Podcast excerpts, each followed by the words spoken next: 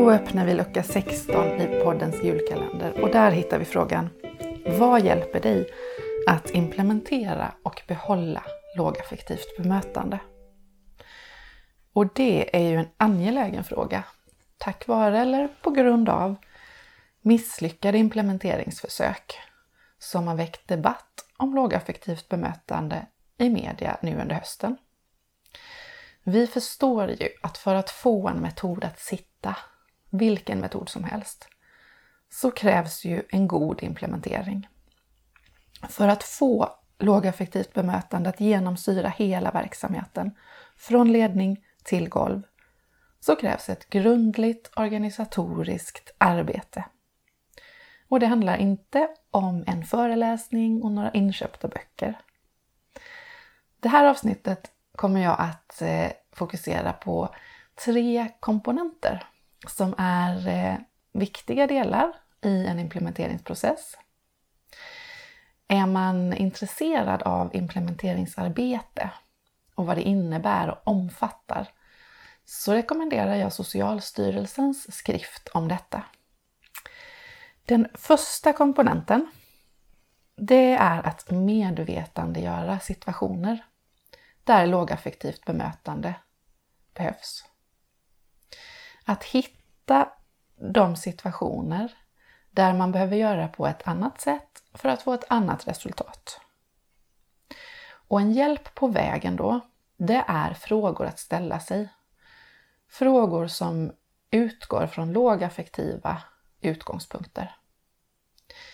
Risken är ju annars att när man utreder och gör handlingsplaner så ställer man sina gamla frågor och då får man de gamla svaren och ingen förändring sker.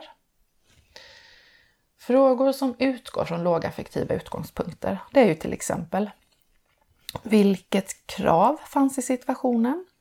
Vilka kravanpassningar hade gjorts utifrån personens sätt att fungera? Fick personen utrymme att använda sig av sina strategier för att behålla självkontrollen? Personalens bemötande, hur påverkade det händelseförloppet? Vad behövs för att en liknande situation inte ska behöva uppstå utifrån förändringar i struktur, bemötande och miljö?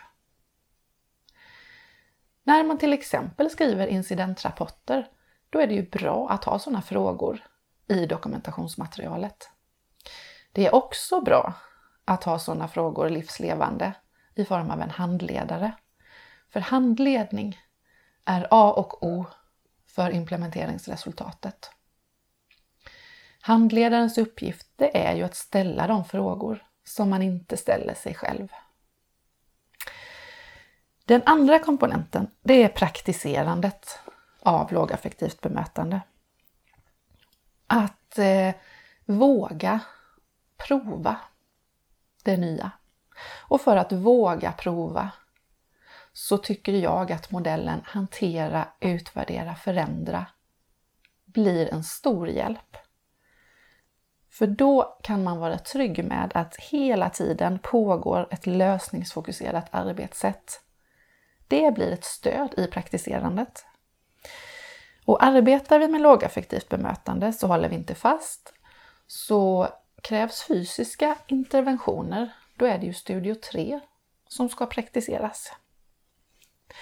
Den tredje komponenten, det är feedbacken från personen och att se att det är personens responser på mina insatser som jag ska justera mig efter.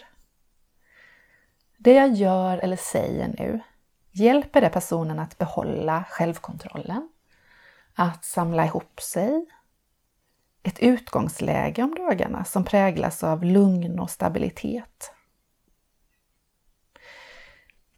Personal som är på jobbet och som inte är hemma och sjukskrivna är ju också en feedback att ta till sig.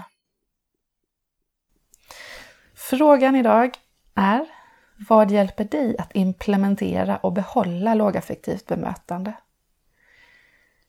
Är det handledning? Är det böcker och föreläsningar för påfyllning behövs ju? Om du eh, är förälder eller anhörig? Är det diskussionsforum på nätet? Är det goda vänner? Vad hjälper dig?